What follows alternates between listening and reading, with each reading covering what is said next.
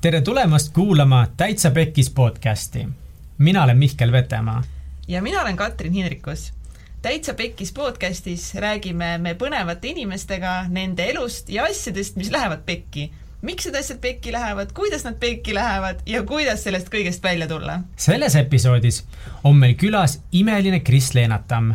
Kris on pikaajaline ettevõtja, koolitaja, mentor, ema, tõlk ning Leenatamme fondi asutaja ja eestvedaja. lisaks on ta olnud edukas hotellijuht ja ka hotellimajanduse õpetaja. Krisiga rääkisime, miks tal tekkis surmahirm ujumise ees ja kuidas ta kolmekümne seitsme aastaselt sellest üle sai. me rääkisime, kuidas laste kõrvalt karjääri teha ja kuidas Kris otsustas koos teiste vaprate naistega Ironmanist osa võtta ja lisaks tuli välja ka see, et Krisi jaoks ei eksisteeri väljendit ma ei saa ja mis kõige olulisem, Kris rääkis, miks ta alustas Leenart Tamme fondi ja miks on talle nii oluline just meeste tervisest rääkida. head kuulamist. tere tulemast, kallid kuulajad, meie järgmine episood juba teie ees, meie Mihkliga siin ja meie tänane stuudiokülaline, väga hea meel tutvustada teile kõikidele õpetaja, ettevõtja, ema, meeste hea elustiili eest võitleja eneseületaja ja üks tõsiselt ütlemata vägev naisterahvas, Kris Leinatam, tere tulemast! tere! tere, Kris! väga, see oli nii aukartust ääratav sissejuhatus, et kas midagi läks kuskil valesti? ei, päris otse, ei valesti ei olnud. jäi puudu? ei, vist mitte. no vot, siis oli naelapea pihta, see väga ilus intro ja aga Kris, sa oled tõesti nii palju asju teinud, mis on jumala vinge ja nüüd viimasel ajal tänu läbi sotsiaalmeedia, nagu ikka me siin just arutasime, juba jõudsime nii põnevalt rääkima hakata ilma lindistamata. aga sa oled mõned oma elu kõige suuremad hirmud just ületanud. jaa. on nii mm? -hmm, on jah, ma õppisin ujuma, ise ka ei usu et äh, keeruline uskuda. mõne inimese jaoks on see nii loogiline asi, et, et näed, mis mõttes, et noh, ega ujumistreenerid ka ju võtavad, et noh, nüüd lükka jalgadega sealt seinast mm -hmm. lahti, on ju, ja ka ta mul ujumisprillide taha ei näe, et seal on sama palju vett kui basseinis, sellepärast et ma olen nüüd lihtsalt täis nutnud aga kuidas nii juhtub üldse, et ujumisest saab äh, üks suurimaid hirme üldse? Äh, no minu sai see lapsepõlvest alguse, et äh, me läksime emaga kunagi järve, see on minu versioon, ega mm -hmm. laps ju teeb ju enda versiooni asjadest, eks ju ema versioon on natuke leebem, minul on palju hullem. me läksime järve, ma astusin kivi peale ja siis ma tahtsin seda kivi üles võtta, aga ega ma siis rääkimist ära ei lõpetanud. ma rääkisin kivi üles tõstes edasi ja tõmbasin ennast siis äh, silmini vett täis ja mm -hmm. ja, ja siis rohkem ma enam vett ei läinud. ja nii jäigi. enne seda ma ei olnud vett kartnud, ma arvan, et vist oli mingi nelja-viieaastane, ütleb mälu. jah yeah täitsa lõpp, ja pärast seda üldse ei läinud vette? ei äh,, mul ema pani mind isegi meelega sellisesse kooli äh,, kus oli äh, ujula, Tartu kuueteistkümnes keskkool, ja e, ja ma keeldusin äh, ujuma minemast mm. -hmm. ma ei läinud äh, basseini sisse ja saingi oma kahe kirja, ma olin pigem nõus tunnistuse peal kehalise kasvatuse kahega, kui sellega, et ma läheksin basseini üldse, üldse. ükskord ma siiski mäletan, ma käisin ja hoidsin redelist kinni ja värisesin niimoodi, ma ei tea, kas külm või hirm või mõlemad korraga täitsa lõpp, päris karm, kui mitu aastat sa siis vette ei läinud või ei ujunud? kolmkümmend neli kolmkümmend neli aastat. aga mis siis juhtus? mis siis juhtus? mis siis valesti läks? mis siis valesti läks, et kolmkümmend neli aastat või õigemini, mis siis nüüd õigesti ja. läks, miks just nüüd? Ehm, ma käisin äh, Leinatamme fondi äh, telgiga siis äh, kaks tuhat seitseteist tutvustamas Ironmanil Otepääl meeste elustiili nädalat ja kuidagi oli nii, et, et ma vaatasin, kuidas äh, Raivo Edam vette hüppab ja Tanel Padar ja Avandi ja siis mul oli üks klassivend seal, kes ütles, et ta läheb, teeb meeskondlikku ujumises. Mm, -hmm. mis nagu ma saaks aru nagu ükskõik millest muust, aga sa lähed vabatahtlikult ühte asja tegema ja see on just ujumine, et nagu come on. Ja siis ma nägin veel seal veel paari tuttavat äh, naisterahvast, kes äh, noh, olid täitsa minu meelest jumala tavaliselt lihtsurelikud ja läksidki ujuma ja, ja siis äh, ma mõtlesin, et, et noh, et ei ole nagu, et kuidas ma siis nagu suren ära niimoodi, et, et ei oskagi ujuda. ja siis ütlesin oma tütrele, mis sa arvad, et kui ma õpin ujuma mul tütar küsis selle peale, et kas sa saad aru, et seal on märg et see tähendab vette minekut. nojah, et põhimõtteliselt saab. siis läksin korraldajatega rääkima ja küsisin, et, et noh, et äkki noh, mõnda soovitust on ju ujumisõpetajat või midagi.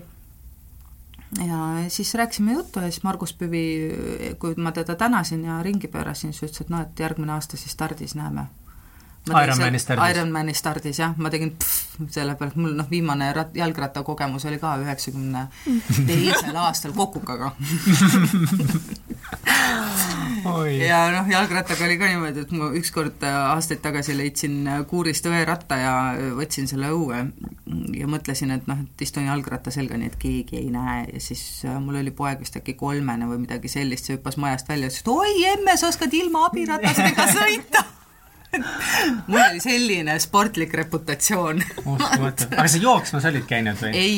jooksnud ka? ei, kakskümmend seitse juuli läksin mina esimest korda jooksma, jooksin oma maja eest äh, Lauliku ristile, mis on nelikümmend meetrit ja siis ma mõtlesin, ma suren maha mul oli hing kinni ja, ja kõik jutud. no ma olin ka üle, ma olen tegelikult ka suitsetanud üle kahekümne aasta, nüüd juba ammu enam ei ole mitu-mitu-mitu mhm. aastat, aga mm -hmm. noh, võhmaharjumust ei ole ja spordiharjumust ei ole et äh, noh, päris nagu äge on selliselt pinnalt nagu öelda jaa, Ironman pool triatlon, siit ma tulen üheksakümmend kilti rattaga ja kaks kilti ujuda ja kakskümmend kolm joosta nagu ma olen, mulle supelda meeldib, vees sulistada on tore, aga ma olen mõnikord äh, kuskil spordisaalis proovinud ujuda lihtsalt nagu ujuda mhm. päriselt mm. -hmm. see üks ots on kakskümmend meetrit vist tavaliselt või, kakskümmend viis meetrit see on nii raske. ära üldse räägi sa ei ole kunagi ujunud ja sa võtsid, oota, kui palju ujuma pidi nüüd? kaks kilti. kaks kilti, aga nagu räägi natukese sellest mindset'ist, et kolmkümmend aastat siis nii vastu kõigele sellele, et kuidas see ikkagi nagu siis nii kiiresti sul ümber läks peas või kas sa pidid palju oma peas vaeva nägema, et sa nüüd tõesti hakkad ujuma või piisas ainult sellest, sa nägid, kus Tanel Padar hüppas ette ja mõtlesid, et tahad järgi lähed järgi lihtsalt nii väga ta mulle ka ei meeldi ehm, aga jaa, mindset, kuna ma ju sel aastal tegelikult starti ei läinud. nii, no mis siis mis juhtus? tähendab seda, et ka ei lõpetanud, eks ju mm, -hmm. ilmselgelt. mis juhtus, just seesama mindseti värk, et äh, minu jaoks sai seda korraks liiga palju äh, ma tegelesin äh, kogu aeg ujumisega, mu esimene ujumise-trenn oli Tõnu Meiel ikka kahekümne viiendal augustil. ehk sellest pole aastatki möödas, eks mm -hmm ja ma nutsin esimeses tunnis tõesti niimoodi, et mul oli prillide sees sama palju vett kui, kui prillidest väljaspool. Ehm, novembris käisin ma hüpnoosis, et saada eh, ennast ujuma, sest justkui nagu noh, see on nagu selle Seppeli, oli vist Seppeli see laul Sein on ees, kas näed sa, et noh, täpselt kuskile maale jõuad ja siis on sein ees ja sa lihtsalt ei saa sellest mitte kuskile, sa sa noh, kõik ju, jumal küll, me, me kõik teame ju neid äh, motivatsioonikõnesid ja värke, kuulad rooni, mõtled, et oh, tead, täna lähen, siis lähed basseini et kuskile ei lähe, on ju, jälle lähed nuttes, käid sauna tagasi, külm on. et ähm, see on tohutu äh, vaimne pingutus, füüsiline pingutus on täiesti ebaoluline kogu selle asja juures. füüsis on meil kõigil oluliselt tugevam kui see, mis meil kahe kõrva vahel on, et selles suhtes üks lause on, et treeni oma vaimu, et see treeniks su keha, see peab täiesti paika Mm -hmm. mis mõtted sul nagu olid peas, kui sa nagu läksid sinna vette es esmakordselt? ainus, mul oli üks ära? mantra, üks mantra, taiboh see on hea mõte. Lihtsalt, noh, lihtsalt no mis, mis sa saad endale öelda seal? Ähm, ma olen kunagi kartnud ka tohutult pimedas sõita, ega mulle siiamaani see ei meeldi aga noh, sõita roolis äh, Tartust Tallinnasse endale korrutades, ma ei sure ära, ma ei sure ära, noh, noh selles mõttes, et ega mul basseinis käis umbes samamoodi. ja siis tunned, kuidas vererõhk on ju seesama kakskümmend viis meetrit, lükkad ennast äh, ühest otsast lahti, jõuad teisele poole, siis on nagu see Jõgioja oleks trummikomplektiga peas, niisugune niisugune metsatölli kontsert ja kõik käib nagu peas. See pulss või südame, pulss, pulss on jah, kuskil seal kahesaja peal või kuu peal või kuskil noh, aga mitte enda sees, et noh, see on täiesti uskumatu tegelikult. aga miks ära ei lõpetanud kõike seda, et ma saan aru, et see alustamine oli hästi raske sulle mm, -hmm. aga siis ikkagi hakkasid pihta ja sa hakkasid harjutama neid alasid. jaa, alla anda, sa mõtled, et miks ma alla ei andnud või? kas oli mõte ka, et jätad pooleli? ei olnud ikka ei ole, siiamaani ei ole. järgmine aasta olen stardis, nui neljaks, et äh, mul on aasta otsa aega ja ja mul on ära, mul on aega harjuda ära avaveega ja mul on aega harjuda ära sellega, et ma pean mingi olematute rataste peal sõitma ja esimest korda Otepääle läksime tüdrukutega sõitma jalgrattaga. noh, ma, see ei olnud mägigi veel, see mm -hmm. oli mhm. mingisugune laskumine, täna mm -hmm. ajab see mind naerma, seesama laskumine, aga ma olin seal peal ja ütlesin Liisile, ma ei tule alla ma tulin ratta seljast maha, ütlesin ma ei tule alla, tehke või tina, pisarad voolasid mööda põske, ma ütlesin ma ei tule alla.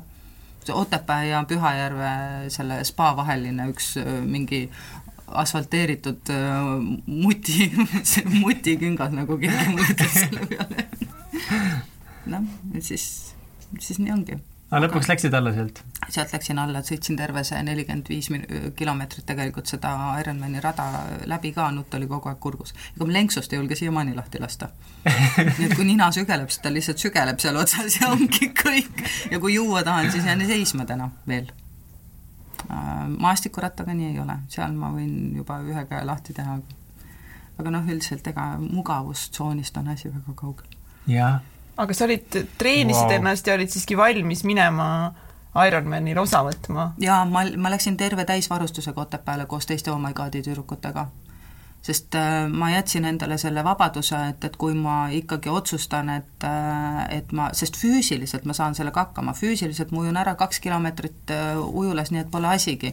küsimus on ainult selles, et Pühajärvest tulevad erinevad elusolendid vaatama, et miks nad kõik siin ujuvad ja siis on vetikad kõrvas ja noh, ja põhja ei näe ja noh, noh kõik need asjad, eks mm. -hmm. mis siis, et kalipso on seljas ja sul tegelikult hoopis turvalisem olla et äh, ma olin valmis selleks, et kui ma otsustan, et ma lähen, siis ma lähen. ratas oli kaasas ja kalipso ehk nahk oli kaasas ja kõik oli. no mis see tunne seal finišis oli? kui teised finišeerusid või? Äh, või vabandust, mitte finiš, ma tahan stardis öelda. et, äh, et kui teised sa... startisid ja.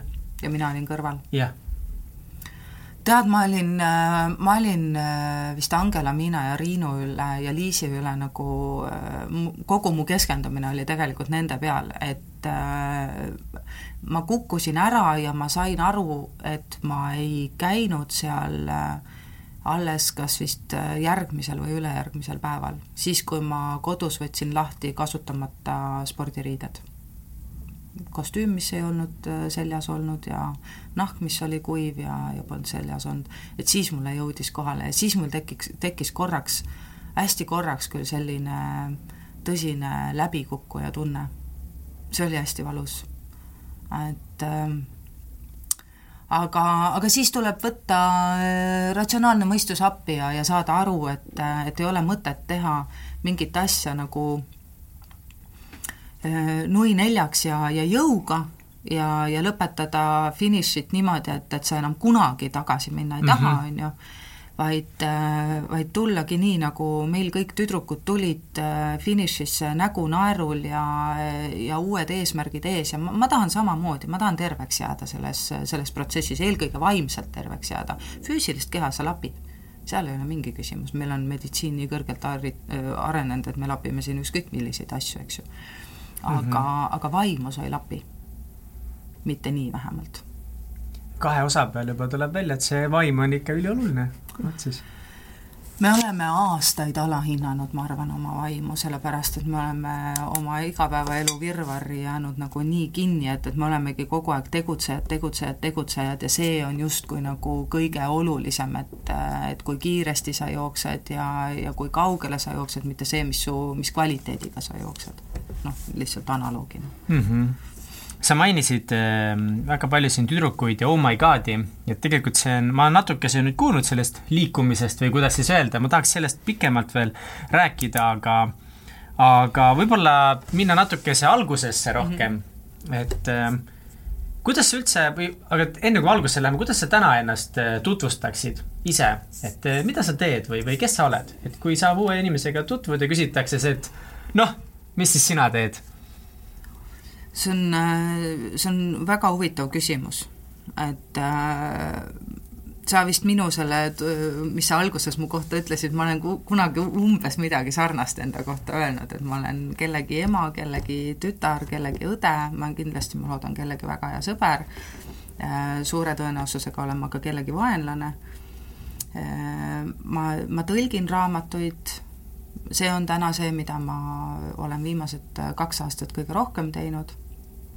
ma olen ettevõtja, võib-olla see on kõige nagu sellisem äh, asi. ja ma ei tea, kas ma meeste tervise eest võitlen, ma arvan, et ma pigem propageerin tervislikke elustiile. võib-olla see on, sest ma ei viitsi võidelda enam.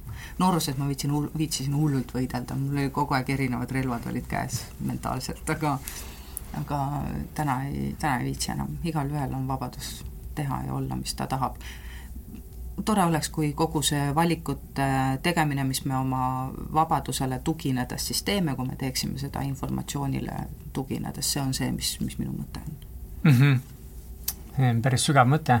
nüüd sa oled jõudnud siis väga palju oma selle mõtte, mõttetugevusele ja nüüd ka äh, füüsilisele, selle väga, väga jälle vaimsele tugevusele, aga alguses eh, ma olen kunagi kuulnud lihtsalt sind rääkimas, et eh, kunagi sa ei olnud üldse selline, et kui sa suitsetasid mm, -hmm. siis sa mhm. töötasid hotelli mm -hmm. business'is üldse yeah.. aga räägi siis, milline Kris sa siis olid?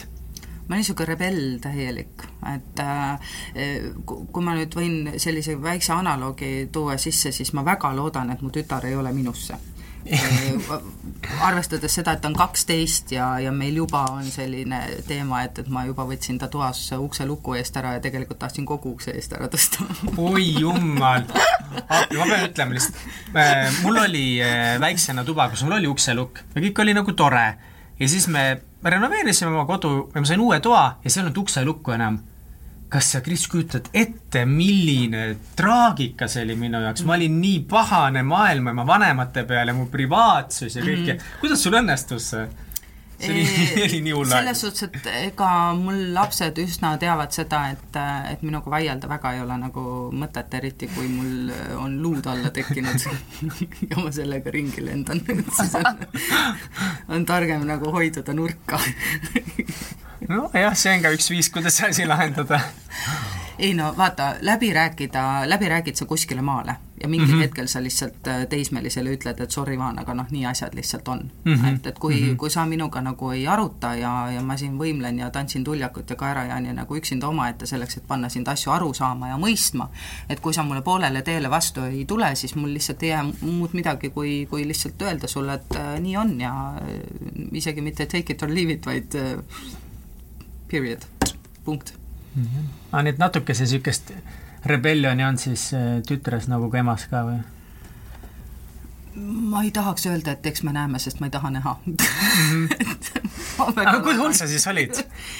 no ütleme siis nii, kui mu ema sai nelikümmend, siis tema juubelil ma tunnistasin talle kõik ausalt üles ja ta ei ole siiamaani sellest üle saanud eriti vist sest on kakskümmend aastat möödas mis sa talle, mis sa talle rääkisid? ausalt kõik ära nagu millest, et mida sa tunned või mida sa teed oma mida ma tegin. mida sa tegid? mida ma tegin, jah. ma olin, äh, ma olin kaksteist, ei, kolmteist, üheksakümmend kaks, jah, ma olin kolmteist, kui me kolisime Tartust Tallinnasse. Minu jaoks oli see äh, mul on elus olnud päris, päris hulle perioode tegelikult äh, üsnagi selliseid adekvaatselt hulle perioode. ja see oli üks nendest.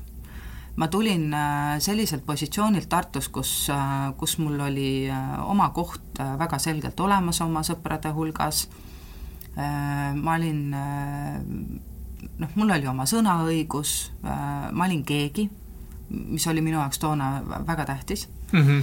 ja siis ma tulin Annelinnast Lasnamäele Äh, Tondiraba keskkooli, mis on nii vinge kool, et seda isegi ei ole enam üldse olemaski. ja, ja seal hakkas siis selline äh, olelus korraks äh, minu jaoks, millega ma ei olnud üldse ette, ette valmistanud, et äh, ma olin ikka, ma tundsin ennast, ma ei tea, võib-olla nad vaidleksid mulle praegu vastu ja ütleksid, et ma olin esimesest päevast väga normaalne, aga siis neil on moonutatud minevik aga ühesõnaga, ma tundsin ennast täiesti nagu persona non gratana yeah. ja, ja mul oli päris keeruline jah, seal alguses hakkama saada. sellega kaasnes muidugi väga tore asi, et kuna mul oli igav ja mul ei olnud enam lollusi kellegagi koos teha, siis ma lõpetasin põhikooli kõikide viitega. Ma just kogemata hakkasin no kõlab väga hästi ju. no kõlab jah hästi. kus see probleem siis oli? no selles mõttes, et see ei tulnud mitte sisemisest soovist, vaid igavusest ja keskastme oleks äärepealt hõbemedali saanud, aga mu, kuna mu käitumine ei kannatanud kriitikat, siis ma seda ei saanud ma üldse ei kujuta, kuna, kuna ma, me Katriniga mõlemad teame Krisi mõned aastad, siis väga raske on sind ette kujutada kuidagi. ma olin ikka, ma olin täis kooti. jah? jaa. Ma olin täis kooti, ma olin, äh, mul noh, ütleme meigikord ikka oli päris äh, adekvaatne peal, äh, must, pidevalt mustas ja maani, mustad küüned, noh, kõik, kõik jutud selles mõttes nagu kõik jutud, et roomiksaapad ja nende pealuudega sõrmused ja wow. ja mitte vähe, ketid ja noh, harakas olen ma eluaeg olnud, aga no, täismäng ikka? ikka täis, täis läks see oli siis nagu protest millegi vastu või sa tundsidki, et sa oledki nagu sina või mingite emotsioonide väljendamine siis läbi? Tead, toona ma kindlasti ei osanud seda niimoodi analüüsida ja täna ma õnneks väga palju ei mäleta. Eh, küll aga noh, mis ma öelda võin, selles mõttes, et, eh, et see muusika äh, mulle meeldib siiamaani, noh, Depeche Mode'i kontserdi pärast ma ikka võin väga kaugele sõita, kui, kui tuleb tuju, on ju ja, ja noh, mulle meeldib ka selline noh, ma kutsun seda maniakaaldepressiivseks rokiks äh, Skankenansi näiteks, noh, et ma ei ole kuulnudki sellisest äh,. kui keegi ei kuule, siis guugelda oota, kuidas selle ma, ma... Skankenansi. Ska-, ma kirjutan ka üles selle. Skankenansi, üks mu vaieldamatuid lemmikbände, terves oma tutvusringkonnas olen ma sellega üksi koristamise ajal tohutult hea need kõik äh, saab imeväel väga kiiresti. Mi, missugune, missugune bänd see on, missugust tüüpi nad teevad? maniakaaldepressiivne rokk. maniakaaldepressiivne, mida see tähendab? ma ei oska öelda, kuulad kuule ja siis saad aru. hästi sügav, hästi selline teistsugune, äh, noh, mulle meeldib kuulata ka niisugust äh, noh, ma, mulle hullult meeldib ka modern talking nagu mm -hmm. noh, asja lineaari hoopis teisest otsast, eks ju. okei okay,, Eesti popmuusika, vahetult enne seda kaob mul tolerants ära aga noh, Code One'i on kunagi niimoodi poole kõrvaga kuulatud, aga see oli siis pool kõrva oli kinni. mul oli kaks klassiõde, kes äh, olid äh, ka viielised nagu sina, aga nad olid küllaltki malbed tüdrukud.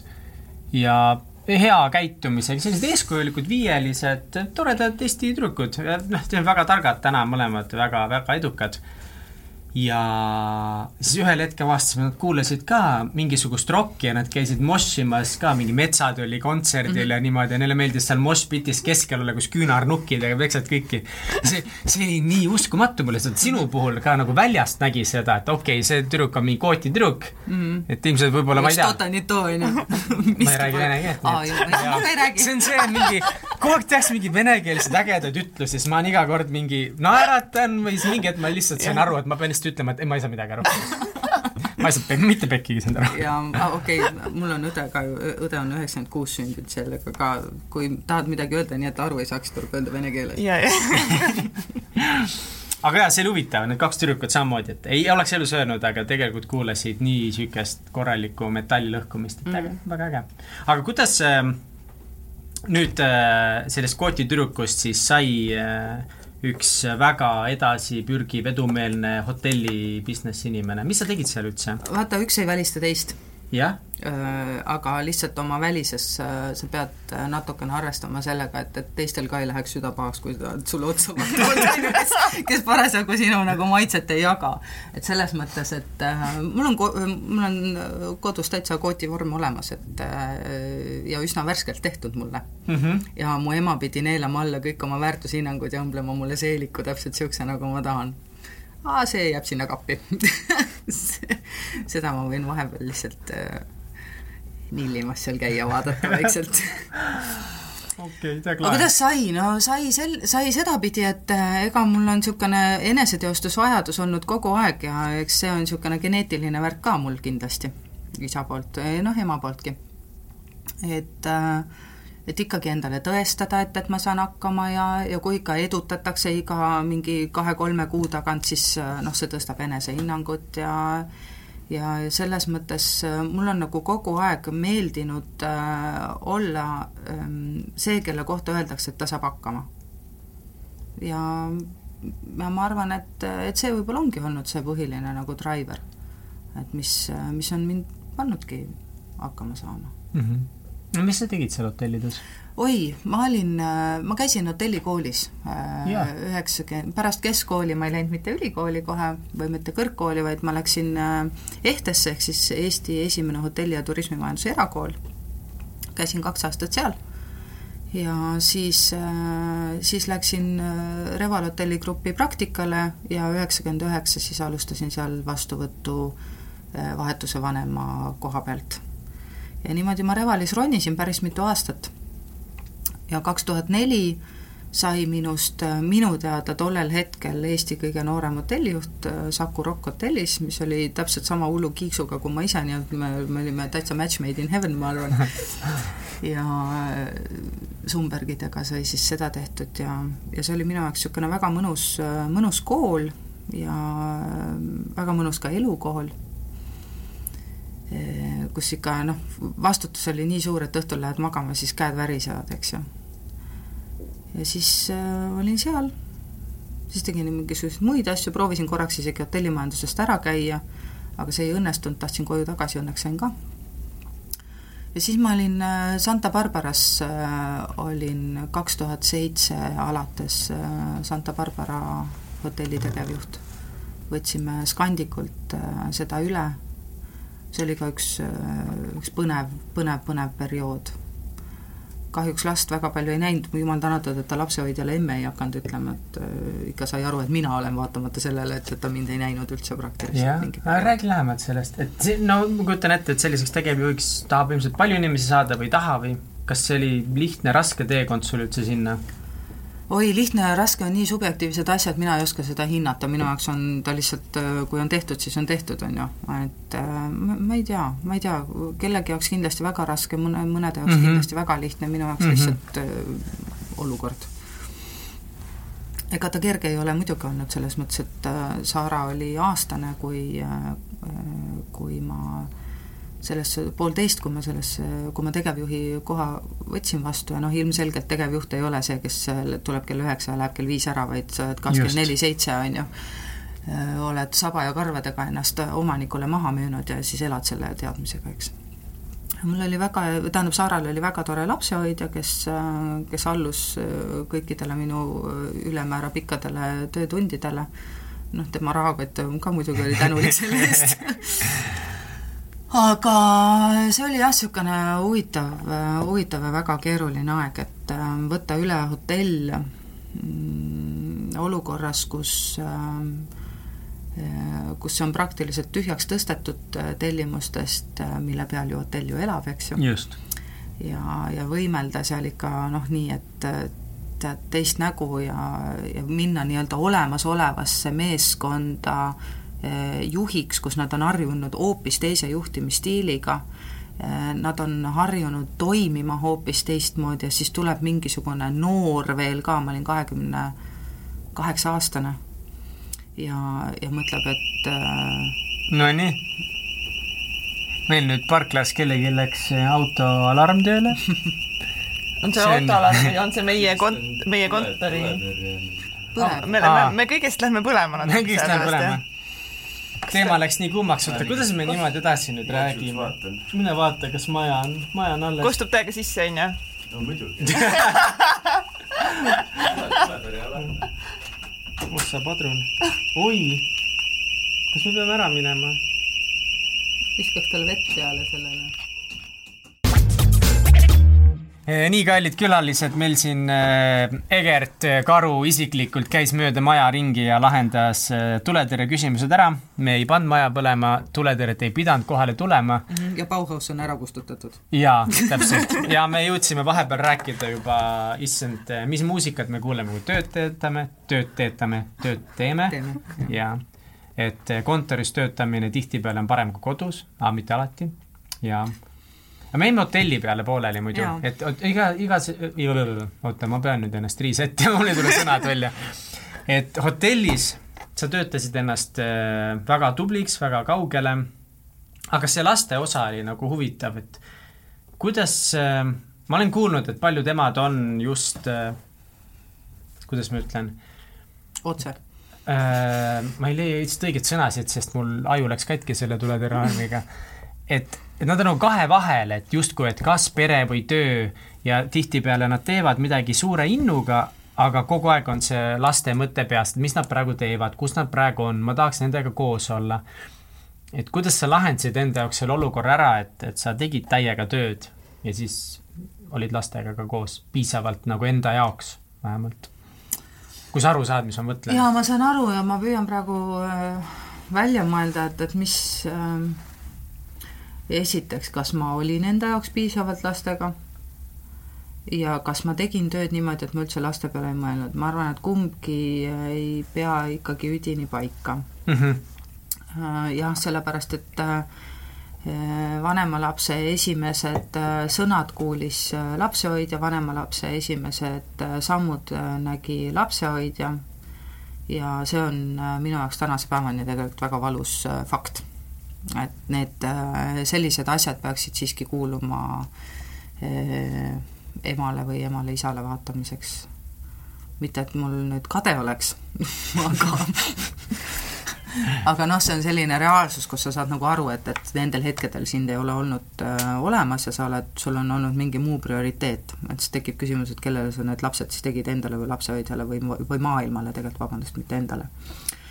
aga jah, see see pidev nagu laste peale mõtlemine ja see nii-öelda mõnes mõttes ma ütleksin, et see on äh, emadel selline see ahviarmastus või kontrollifriiksus, äh, friiksus on ju, et kui sa ikkagi jätad oma lapse Mm, turvalisse kohta, turvalise inimese juurde, siis äh, tegelikult kui sa juba teed selle otsuse, et sinna jätta, siis võiks nagu seda otsust ka usaldada. või, või siis seda inimest usaldada ja kui sa ei usalda, siis on võib-olla vale inimene või vale aeg sinu jaoks nagu tööle minna.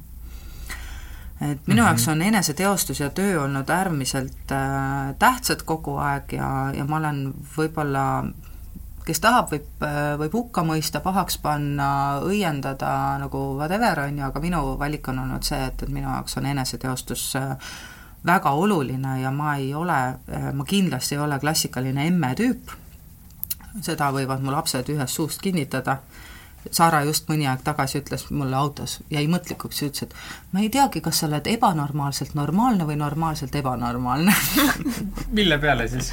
no midagi me lollitasime jälle. okei okay et, äh, et noh, ma tahaks nagu, mina olen terve elu imetlenud oma isa mm. -hmm. tema ettevõtlikkust, tema äh, kõiki, kõikide asjade tegemist, tema tohut-, tohutut, tohutut, tohutut silmaringi tema ka konkreetsust, kohati isegi, mis võib-olla läks konkreetsusest veidikene despootlikkuse poole peale, aga ta oli, ta oli nagu hästi selline minu jaoks hästi kindel, ta oli hästi ambitsioonikas äh, ja, ja mulle nagu, äh, mulle nagu inimeste puhul meeldib see, kui, kui ei lasta ennast äh, segada mingisugusest ei saa asjast.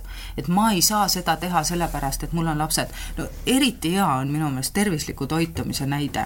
ma olen kordi ja kordi kuulnud, kui lapsevanemad ma korra segan vahele, enne kui sa tervisliku toitumisega nii kaugele lähed, siis kõik meie kuulajad võib-olla ei tea, et äkki sa oled nõus ütlema, kes sinu isa oli?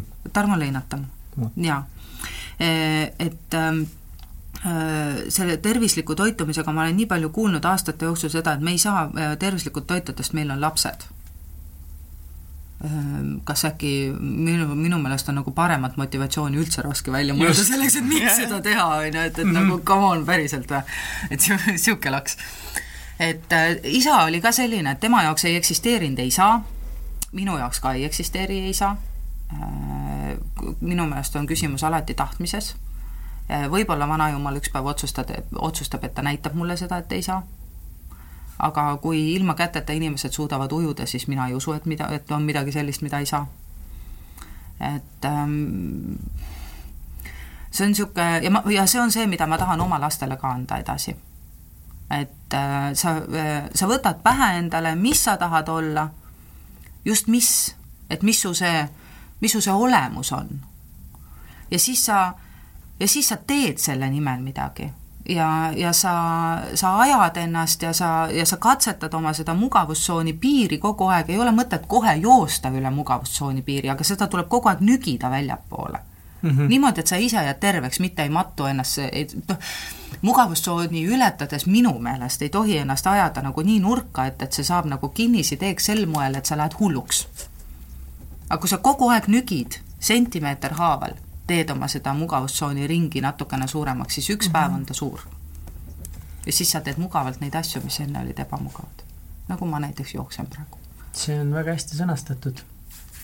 aga ja. minu meelest on meil see kohustus. ma olen mm -hmm. seda enne ka kuskil, kuskil artiklis või kuskil öelnud, et minu meelest on meil kohustus eh, katsetada oma mugavustsooni piire ja tegeleda eneseteostusega, sest ma arvan, et äh, et see, mis, see maailmakorraldus, mis meil äh, täna on, kus, kuhu me oleme pandud elama sellises vormis, sellisel kujul, sellise sisuga, see on liiga äh,, inglise keeles on hea sõna, on profound kuidas seda tõlkida? no vot, ma olen kogu aeg selliste sõnadega hädas, kus meil jääb sõnu puudu, on ju, selleks, et ühte asja öelda, pead sa kasutama tervet äh, suurt, ta on niivõrd sügav, ta on niivõrd äh, Äh,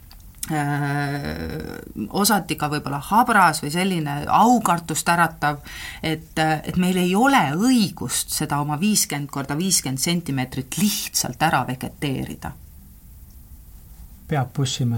pead push ima, sa pead teada saama, mille jaoks sind siia pandi mm. -hmm. sa pead aru saama, kes sa oled, mis asi sa selline oled mm, -hmm. mis sul sees on, mida sulle on maailma antud või maailma anda, sest me keegi ei ole siin ilmaasjata Mm -hmm. aga kui me ise selle maha magame, siis me olemegi olnud ilmaasjata ja siis oledki kuradi järgmises elusad kapsauss.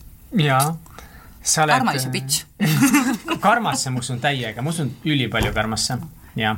aga sa oled äh, ma olen lihtsalt nii palju juba öelnud, sa töötasid hotellis, olid tegevjuht, sa oled tegelenud võrkturundusega, müünud äh, tervisetooteid, see ongi see koht, kus me kohtusime ja. sinuga, tegime siin siinot koos, siis sa oled äh, käima pannud äh, või alustanud siis Leenatamme fondi mm, -hmm. et äh, ja seal vahepeal siis sa veel tõlgid raamatuid, sa oled mm -hmm. kindlasti teinud veel väga palju asju, aga kus see sinu koht siis maailmas on? käsitööpood oli. käsitööpood? kuida-, okei okay,, kuidas käsitööpood pilti mahtus? Tead, ma ma ei tea, raseduse ajal juhtub inimestega igasuguseid veidraid asju, tekivad ideed, mõni hakkab bensiini nuusutama, no mina tegin käsitööpoe. okei okay., kuidas sellega läks? sellega läks, kuidas või? pankrotikohtunik ütles mulle niimoodi, et preili leinata Te tegite käsitööpoe vastavalt Eesti Vabariigi seadusandlusele, jälgides kõiki seaduseid Nõmme, äh, Nõmmele. kuhu te siis arvasite, et te lähete? okei. okei. kuna noh, ma ise olen, on ju, ma olen käinud raamatuid müümas, ma olen äh, töötanud startup ides, siis ma olen teinud võrkturundust, eks ole, ma olen oma ettevõtet uuesti proovinud käima panna, ma olen proovinud igasuguseid asju õppida, erinevaid sporte, et nii palju asju on pekki läinud ja, ja sa ütlesid väga hästi, et me peame otsima seda oma kohta, et kas sa nüüd siis tead, kus see sinu koht on või, või oled sa targemaks saanud oma koha leidmisel? jaa, olen küll, et äh, ma mäletan äh, kunagi äh, kunagi minu tuttavad nagu noh, naersid väga paljud mind, et, et noh, et Kris tegeleb nagu nii saja erineva asjaga, et, et noh, et, et justkui nagu mitte millegagi. noh, tegi haiget, okei okay,, whatever, on ju, oma arust ikka ju millegagi tegeled, et aga siis äh, esimene raamat, mida ma Million Mindseti kirjastusele tõlkisin, oli äh, Esmalt küsi, miks. Simon Sineki oma mm. -hmm. Start with why, jah? jaa, Start with mm -hmm. why, jah, Esmalt küsi, miks. ma väga soovitan seda raamatut, minul pani see, vaat minul loksutas see raamat, minu pusle, selle minu miksi pusle loksutas mm -hmm. nagu niimoodi paika. seal oli üks selline näide, et, et Äh, Ameerika raudteefirmad, miks äh, läksid pankrotti, äh, kui lennundus tuli, et nad tegelesid endiselt raudteeäriga, mitte transpordiäriga, et oleks nad suutnud ennast nagu ümber orienteerida siis nad oleksid jäänud ellu. väga palju on seal toodud äh, Apple'i mõtet, eks ju, et äh, challenging the status quo mm, -hmm. et äh, küsim-, et nad ei tooda ju arvuteid, on ju, iTunes ei ole arvuti, on ju, aga nad, nad kogu aeg esitavad mingisuguse väljakutse sellele, mis on olemas, et äkki saab kuidagi paremini vot ja, ja selle Apple'i põhimõtte pealt ma vaatasin, et, et minu tegevused on tegelikult tõesti samamoodi, üks on puu pealt, teine on kuu pealt ja kolmas on muu pealt, on ju.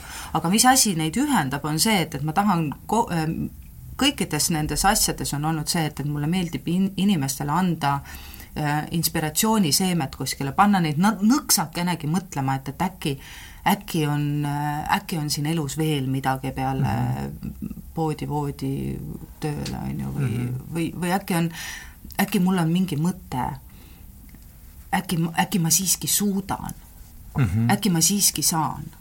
no mul on tunne, et, et no neid asju katsetades ülipaljud kuidagi minu arvates vaatavad inimesi enda ümber ja kui keegi midagi teeb, siis justkui ta peaks nüüd seda tegema elu lõpuni. ja kui mm -hmm. ta, noh, mitte alati, aga nüüd, kui ta seda asja enam edasi ei tee, siis seda loetakse justkui, et, et nüüd ta on läbi kukkunud. et ta, ja kuidas sina nagu ütled, väga palju asju, mida sa täna enam ei tee, kas sa oled nendest asjadest läbi kukkunud enda silmis, tekitab see sinu stressi või sa hoopiski vaatad seda kuidagi hoopis teistmoodi? vaata, kui, kui me võtaks ühe redeli ja iga redeli pulga värviks äh, erinevat värvi, siis see redel viib sind äh, ülespoole, vaatamata sellele, et kõik pulgad ei ole punased, ehk üks sama tegevus mm. -hmm et nüüd ongi see, et, et mida sa nende tegevustega teed, kas sa kasvad läbi nende või sa lihtsalt ei viitsi või, või, või mis, mis, milles need pulgad nagu, milles need seisnevad? Äh, mina tahaksin küll uskuda ja mulle tundub ja ema kinnitab, et, et, et läbi oma tegevuste ma olen siiski kasvanud ja ma olen selles redelis äh, läinud ülespoole. Äh, võib-olla vahel tuleb jälle mõni punane pulk ette, aga, aga ta on kõrgemal kui eelmine punane pulk, et see, see spiraali mööda, elu käib küll ringi ratast, aga see on siiski spiraal ja ta läheb kogu aeg ülespoole, kui sa teed vähegi nagu õigeid otsuseid. tegelikult ei olegi valesid otsuseid, sest kõik läheb ikka sinna, kuhu ta peab minema, kellegi jaoks aga jah, see erinevate tegevuste tegemine, osati ta võib-olla killustab, muuseas, tead, see on tegelikult, see tuleb generatsioonide vahelt. vanasti oli lojaalsus ühe tööandja piires, oli, oli väärtus. Nüüd minu meelest kas äkki see teist järgmine generatsioon, see, mida peetakse nüüd Z-generatsiooniks mm, -hmm. nende jaoks see enam ei ole väärtus ja ma arvan, et, et meie oleme sellised äh, kahe vahel selline, vene keeles jälle öeldakse nii rõõba, nii mässa, ei liha, ei kala, on ju et äh, meil justkui on see oma vanemate poolt see lojaalsuse ja ühe mm. töökoha, seda on nii palju nagu taotud, lähed äh, kõrgkooli, siis lähed korralikku töökohta mm -hmm. ja siis oled seal ja siis, kui sa oled seal kuuskümmend aastat töötanud, siis lähed pensionile, saad tänukirja mm. -hmm. ja, ja selles nagu see on, vot see on üks tubli inimene. meie generatsioonil hakkab juba see, et, et äh, tahad kogeda maailm on ju nii palju avardunud, maailm ei ole enam, USA ei ole enam kaugel, sest Skype on. Inimesed ei pea enam informatsiooni jagamiseks, millest mõneti on kahju küll, kohvikus nurga peal kokku saama, sellepärast et Facebook on, on ju. Mhm. et meil see info, äh, silmaringi laiendamise võimalused, kõik on nagu nii palju, et äh, meil on selline kogemuse vajadus. Äh, ja sealt hakkab vaikselt kajama läbi ka see vabaduse vajadus. ja nüüd järgmine generatsioon pärast meid, ma usun, sealt tuleb see vabaduse vajadus hoopis rohkem, kui ma näiteks vaatan ka oma õde, siis vahel ma ei saa aru, nagu kuidagi ei saa aru ja siis ma saan aru, et meil on seitseteist aastat vahet ja ma ei saagi aru saada ja mu ainus lootus on see, et äkki tema saab näiteks minu lastest siis nüüd nagu rohkem aru yeah., sest neil on väiksem vanusevahe kui, kui minul ja mu õel mm. -hmm. et, äh, et äkki siis ta on nagu see puhver seal vahel, et, et muidu mul jookseb vist küll joe kokku võib-olla küll, jah. Aga korra äkki peatuks selle Leinatamme fondil ja sellest meeste nii-öelda siis elustiili paremaks muutmisel, et äh, kui keeruline on olnud ühel naisterahval just nagu siseneda valdkonda, et hakata nagu meeste mõttemaailma ja kõike seda nii-öelda siis muutma? mitu päeva meil aega on rääkida ma toon ühe näite. viisteist minutit. Ma toon ühe näite, käisin ühes väga lugupeetud äh, klubis, meesteklubis, rääkimas meeste tervisest. Kõik presentatsioon ja särgid-värgid ja äh, tegu on siis sellise klubiga, kuhu äh, noh, vist nagu iga mees ei saa, on ju, et, et see ikkagi peab nagu äh, noh, midagi, mingi saavutus olema ette näidatud, vähemalt nii ma olen asjast aru saanud, vähemalt nii see vanasti oli. täna tundub, et hakkavad asjad muutuma. ühesõnaga, ja tekkis seal selline noh, paari mehe poolt ka, üle kahekümne mehe oli saalis Äh, laudade taga ja, ja siis mina ainsa naisterahvana siis äh, ees, on ju, jah. suhteliselt niisugune pentsik. ja, ja mil-, kuidagi tekkis mingi diskussioon, mille peale ma viskasin äh, küsimuse, et aga et, et noh, et mis et mida siis mehed, et mida te siis saaksite teha selleks, et teil äh, nagu tervis parem oleks?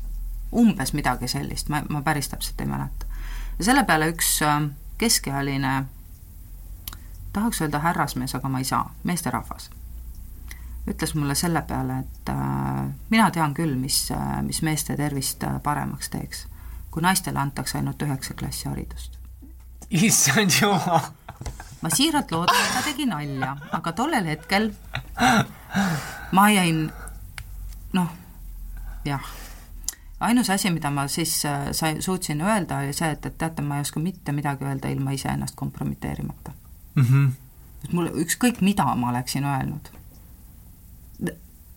Õnneks jäid enamus teisi mehi ka vait ja vaatasid talle otsa nagu, oh mis see nüüd siis oli.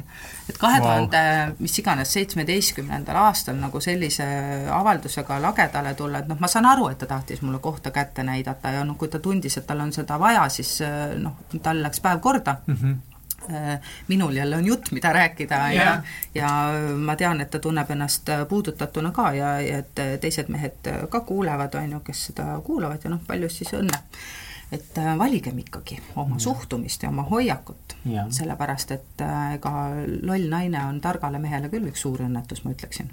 aga kuidas siis mehed üldse suhtuvad sellesse, et üks naisterahvas tuleb neile nii-öelda siis õpetama, et kuidas nemad peaksid oma elu elama? vaata, õpetamisest mina püüan hoiduda. Äh, ja andku mulle kõik mehed andeks, kui nad on kordagi minu puhul nagu tundnud, et ma olen tõesti püüdnud õpetada aga kuidas nad on, tead, ma ei tea, vaata, kas sa näed sinna siis, ma siis, et kuidas nad suhtuvad? no eks ikka, ikka, ikka nagu näed. minu meelest see on vajalik. ma ei ole vastasseisu kunagi tundnud mm. -hmm. see üks äh, nõme kommentaar oli, aga ma usun, et see on pigem tema õnnetus kui minu. et pigem ei ole väga palju vastasseisu? ei, ei, ei no,. mehed, meest, mehed viitsivad oma noh, nii, nii, niivõrd-kuivõrd viitsivad oma füüsilise välimusega päris palju tegeleda, aga aga võib-olla on ikkagi Eesti meestele suhteliselt omapärane see, et ikka väga ei viitsita sinna arsti juurde minna või et kui kuskilt seest midagi katki on, ah küll ta läheb ajaga ära. et miks sa üldse teed seda, miks sa tunned seda vajadust meile meelde tuletada? just sellepärast, et ei peakski üldse minema arsti juurde ja avastama, et midagi on katki et äh, vaata noh, ma olen ausalt öeldes natukene nagu riikliku tervishoiusüsteemi peale ka nagu päris kuri tegelikult, et selles mõttes, et kui me räägime ennetusest ja, ja räägime ennetusest äh, selles võtmes, et ennetus on enneaegne diagnoos, siis ma väga palun vabandust, aga igasugune diagnoos on pekki läinud ennetus mm. -hmm lepime kokku on see varane, hiline või, või õigeaegne diagnoos, aga ennetus on siis läinud pekki. just. et äh, mina ei taha minna üldse selle nii-öelda arstide ja kõik, mis on nii-öelda postsümptomaatika, sinna tandrile kaklema, seal juba kakeldakse piisavaltki ja mulle eriti ei meeldi kakelda, enam. Mis tahtsin küsida, oled sa kindel või? enam, äh, et ähm, et ma ikkagi läbi Leinatamme fondi äh, ajaks nagu pigem seda, et, et me teeksime sporti mõistlikult ja intelligentselt, on ju, annaks endale aru, ei äh, lõhuks ennast läbi spordi, sellepärast et noh, meid on nii vähe ja tippsportlased nagunii ei saa tervislikult oma, oma ala teha, nemad niikuinii lõhuvad, minu meelest nagu protsentuaalselt neist juba aitab eestlaste hulgas, et ennast spordiga lõhkuda, et ülejäänud võiksid vähemalt noh, siis peaga ja normaalselt teha, eks. ma arvan, et, et me peaksime pidama omaenda kehast nii palju lugu, et me mõtleme, mida me endale suhu pistame ja kui me tõesti lilli Coca-Colaga ei, ei kasta, siis miks me seda lastele anname mm? -hmm ja, ja, ja sellised, sellised asjad, mis, mis mulle lähevad nagu, nagu tohutult hinge.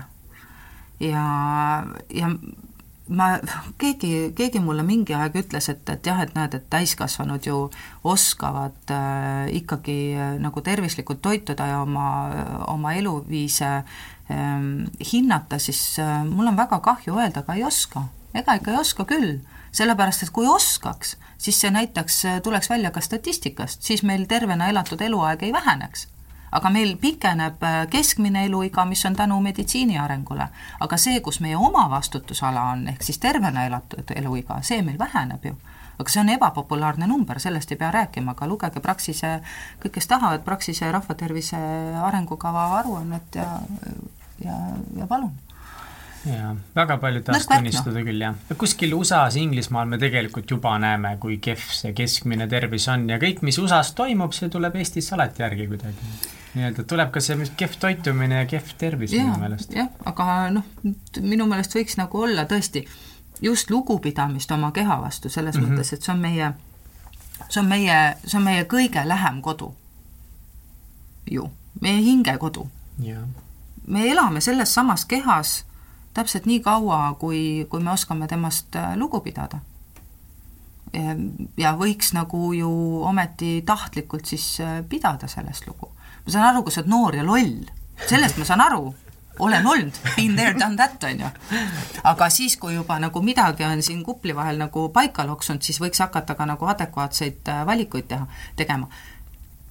ja äh, iga äh,, siinkohal pean vajalikuks ka öelda, et ma väga-väga usun inimese vaba valiku õigusesse, et kui ka tahab juua ja, ja äh, üle tarbida selliseid asju ja äh, ja süüa ebatervislikult, sellepärast et maitseb, võtta antibiootikume sellepärast, et kirjutati, vahel on nad küll õigustatud, ütlen, aga mitte nii paljul määral, kui, kui neid kirjutatakse, ja, ja noh, ma ei tea, istuda õhtu läbi sohva peal ja mängida, ma ei tea, ma ei teagi, mida, ma ei tea, mida mängitakse, siis äh, palun, kui see on teadlik valik Ja. siis on jumala eest, nagu igal omanikul on õigus oma firmasse panna ka kilpkonn tegevjuhiks, siis äh, jumala eest on meil ka õigus oma kehaga tegelikult teha, mida me iganes tahame.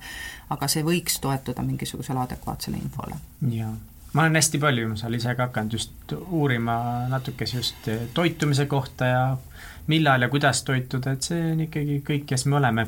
aga aga see... siin ja? tahan veel öelda seda, et, et vaata, üks asi ka, mida ma tahan läbi Leinatamme fondi äh, võib-olla taaskord ühel hetkel rohkem rääkida, on see, et, et see kõik ei ole nii tohutu pingutus, see ei ole nii rocket science, tegelikult on, on meil talupoja mõistus see, mille me oleme omal käest ära lasknud. sirgelt mõtlemise, me, me oleme nagu aju pestud sellega, et, et me usume kõike, mida, mida reklaamid ja, ja asjad ütlevad ja, ja siis me kõik noogutame nagu viimased tainapead.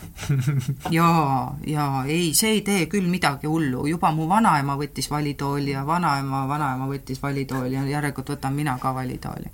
no palju õnne, noh. aga mida see tähendab nagu üldse fondi teha, kuidas, kuidas üks alustab fondi, mille eesmärk on siis edendada tervist? tundub ka üks keerulisemaid valdkondasid, kus üldse fondi teha jaa, eriti kui see fond ei ole tehtud niimoodi, et see oleks kohe tead, ongi võetud mingi pärandraha ja, ja pandud nagu sinna siis selleks, et jagada, on ju, et keegi küsis mu käest kunagi, kui ma tahtsin tasuta minna, eh, küsisin tasuta kohta fondile, et eh, minna siis meeste elustiili nädalat propageerima, küsis mu käest, et kas te olete kasumit teeniv organisatsioon, ma ütlesin ei, me oleme kahjumit vältiv. Aga see ka ei õnnestunud. See ka ei õnnestunud? see ei õnnestunud. Oi, ma ei oska sulle küsida või sulle vastata, vabandust, su küsimusele selles mõttes, et äh, mida ma jälle näiteks, äh, järeldage ise, kaks tuhat kaheksateist aastal meeste elustiili nädalat ei toimu. Kaks tuhat üheksateist ma arvan, et toimub. Äh, kaks tuhat kuusteist toimus, kaks tuhat seitseteist toimus, kaks tuhat kaheksateist ma küll teen Saaremaa Vähiühinguga koos seitsmeteistkümnendal novembril meestekonverentsi Kuressaares. kava on koos, väga kihvt tuleb. loomulikult yeah no muidugi, sa teed suuri silmi, nagu sa kahtleksid või oleksid no, üllatunud, et kihvt tuleb. ma olen üllatunud, et nii ägedat üritust teete, ma olen väga üllatunud. ja ikka, ikka teen, et selles suhtes, et kui ikkagi on, on kuskil mingi väljund olemas ja, ja ma ju noh, ma ju selgelt tunnetan ka seda, et, et ka ühiskonna poolt tegelikult vajadus ja nii-öelda, nii-öelda siis mm -hmm. popina öeldud tellimus on olemas, eks ju.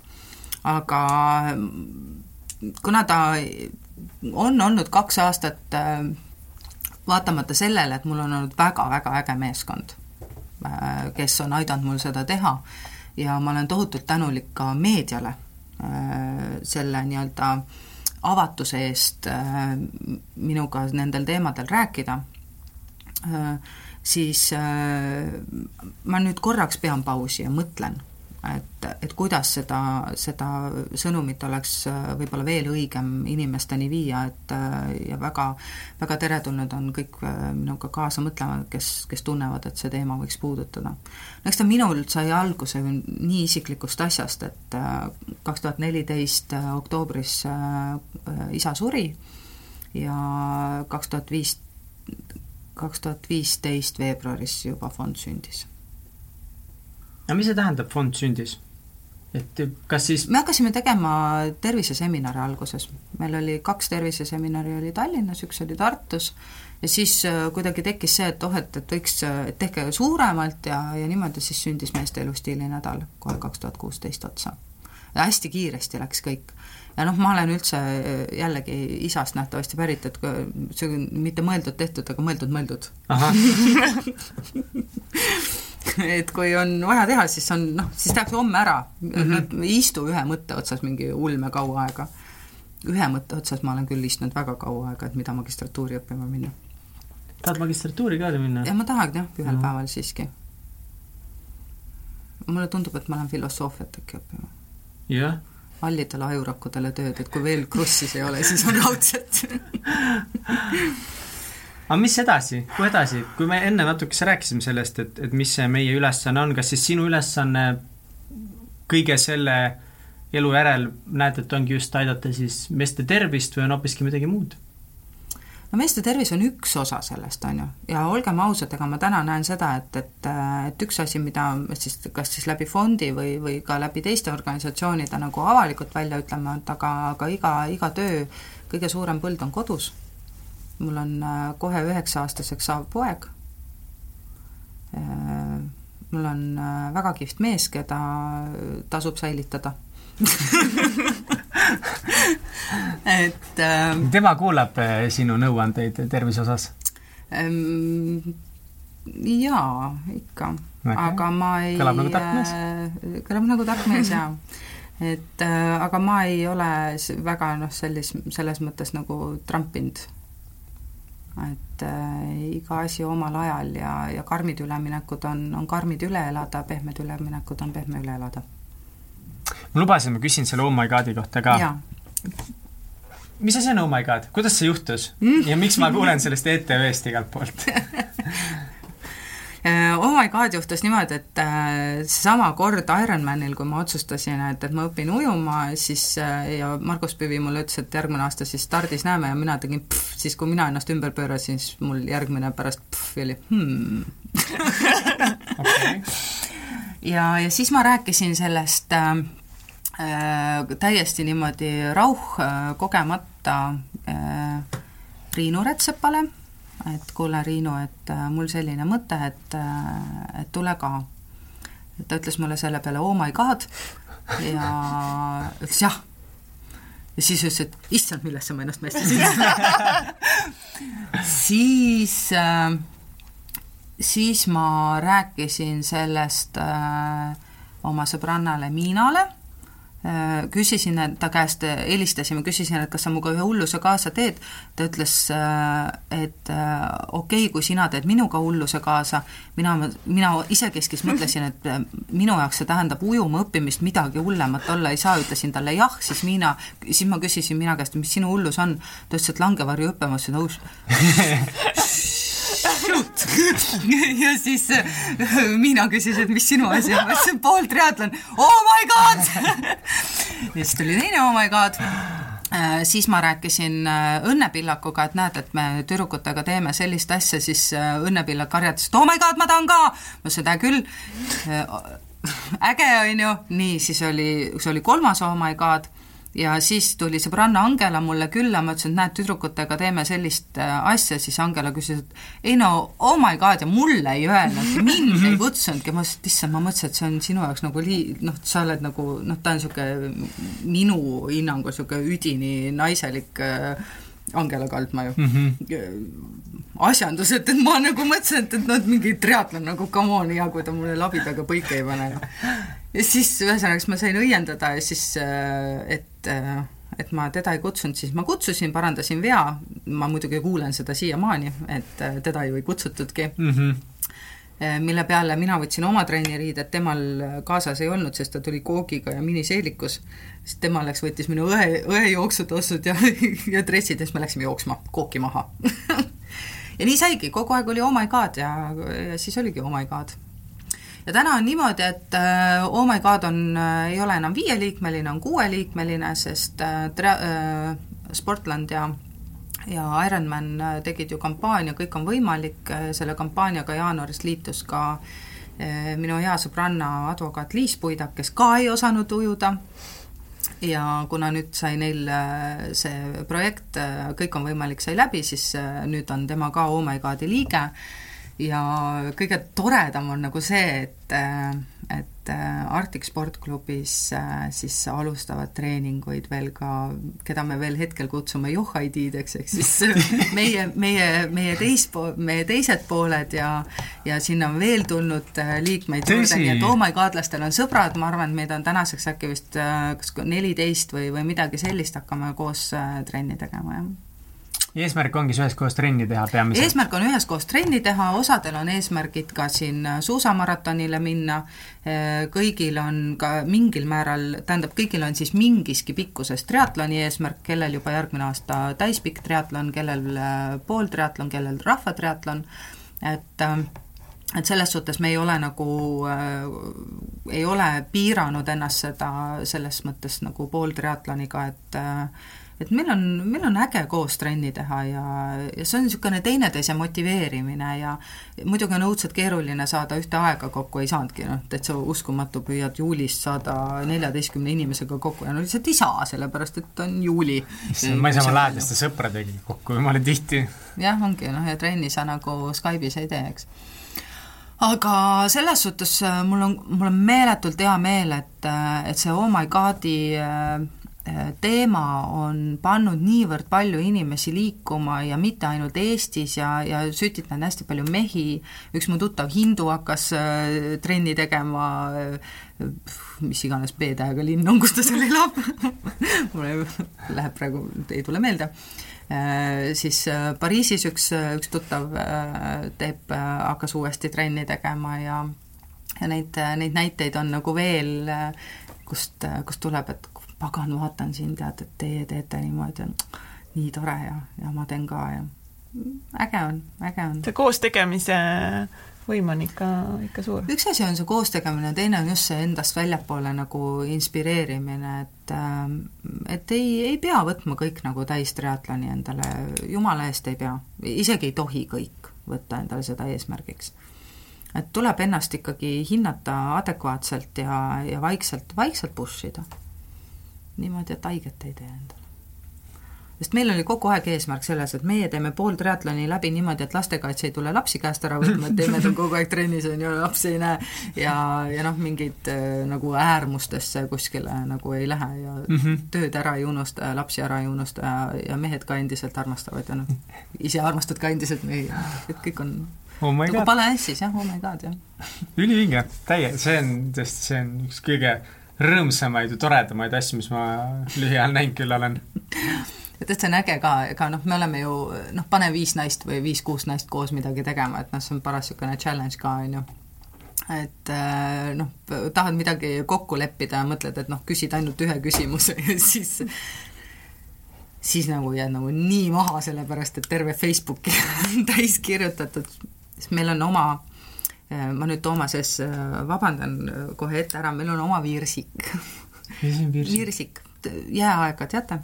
Aa, kas Virsik oli see, Virsik oota. oli see Elli ja Männi tütar, on ju, aga nendel oli ju, Ellil ja Männil oli omavahel kokkulepe, et, et kui protsess pihta hakkab, siis äh, Elli karjub Virsik, et see on nagu parool, on ju, et see on midagi häda, noh, just. -hmm. ja siis, aga noh, kui Ellil hakkas pihta, siis see karjus seal ananassi, õun ja igasugused asjad, talle ei tulnud meelde, et see Virsik on. noh, ja siis meie jaoks äh, Toomas Kõiv, kes on bungee pump äh, kepikõndide maaletooja Eestis, meie väga hea sõber Äh, tema siis oli meil virsik ja tal oli siis kohustus olla valmis reageerida kõikidele puuvile nimetustele, mis raja pealt hõigatakse. aga mis ta teeb sellega, see on puhtalt tema enda loominguline küsimus, sest ühesõnaga siis jah, tema on ka seda ihihi ja ahahad pidanud siin septembris nii-öelda kannatama, kannatama, et okei okay väga äge, ma tänan sind hullult nende mõtete eest, mis sa täna jagasid meiega, see oli lahe. mis sina ütleksid siis inimestele äh, kellel läheb pekki või kes kardavad, et läheb pekki, et äh. no läheb pekki, siis läheb pekki, siis tuleb äh, möönda tõika ehk konstateerida fakti, et äh, nüüd on pees. Ja üks oluline asi, kui oled kaelassaatis selle sees, siis nina ei tohi norgu lasta. See peab olema püsti. Ehm, üks asi, mis on minule siiamaani väga suur väljakutse nendel hetkedel, kui on pekkis, on, on endale tunnistamine. sest see nii-öelda vajadus nagu õnnestuda on nii suur, et ei julge võib-olla endale õigel ajal endale ja teistele tunnistada, et, et nüüd on hapu. minul teistele tunnistamisega on väga keeruline et mul kuidagi selline tunne, et, et, et siis sa oled kohe nagu, nagu vähem väärtuslik või nii mm. -hmm et äh, siinkohal ma olen tohutult tänulik oma, oma teisele poolele, kes on äh, viimasel ajal nagu väga kõva tööd minuga teinud selles osas, et ma julgeksin äh, näidata välja, et, et ma ka inimene ja ei ole kogu aeg kõik hästi, vaid, vaid vahel on hapu ja, ja vahel tuleb tõesti jõuga ainult seda viimast nina otsa hoida püsti, et et kõige alla ei mattuks. aga elus pidavad kõik mööduma. kõik, ka elu ise. et selles mõttes, et mitte ükski asi ei ole, ei ole igavene, välja arvatud võib-olla armastus iseenda vastu, mis võiks olla igavene. jaa ja jah, tuleb õppida, et äh, kui ikka mitu korda astud ühe sama reha otsa, siis ega ta ikka kukub või tuleb ka sinna otsa ette, et noh, see on lihtsalt puhas füüsika, et selliseid asju tuleb vältida.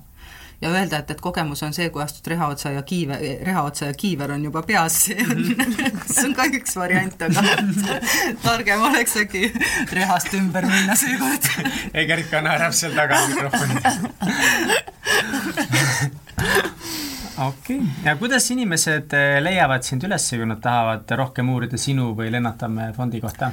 Eh, minul on Facebooki kogu profiil on avalik et äh, nagu ma naljaga enne ütlesin, et, et üks, üks asi, mida ma mida ma tõega nagu äh, usun ja, ja usaldan ka teisi inimesi äh,, püüan, kuigi see on aeg-ajalt väga suur väljakutse teisi inimesi usaldada et äh, elam-, elama peab ikkagi püüdma vähemalt nii, mille vastu ma olen ka eksinud, et äh, et kui sa müüd oma äh, papagoi äh, küla kõige suuremale latatarale, et äh, siis sul ei ole iseenda pärast piinlik papagoi räägi välja, halbu asju. papagoi räägi välja, jah. et papagoil ei tohiks olla midagi rääkida.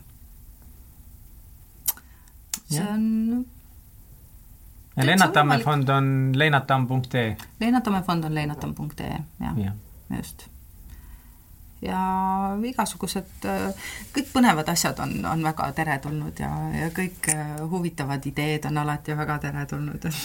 kui keegi hullud ideed tõesti võtab, siis äh, Kris Lennatam võtab on ju või? ei või? ei taha praegu lubadust anda kõikidele?